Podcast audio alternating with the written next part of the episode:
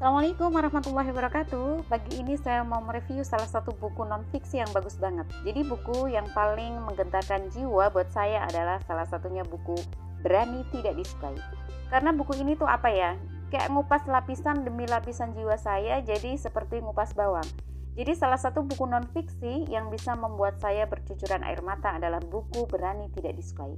Dari mulai traumatic event, insecurities, fear of being judged, overthinking, and unhappy. Jadi perasaan-perasaan negatif yang selalu menghantui kehidupan saya dan itu nggak sehat banget. I want to have a peaceful mind. Dan buku ini tuh dengan cara yang unik bisa memberi pencerahan yang intinya adalah move on supaya bisa move forward.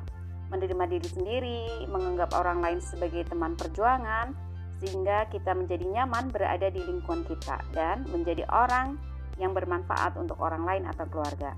Mencoba meninggalkan perasaan-perasaan negatif itu di belakang. Jadi those are keys to real happiness. Yes, you are invited to read this book. Terima kasih. Wassalamualaikum warahmatullahi wabarakatuh.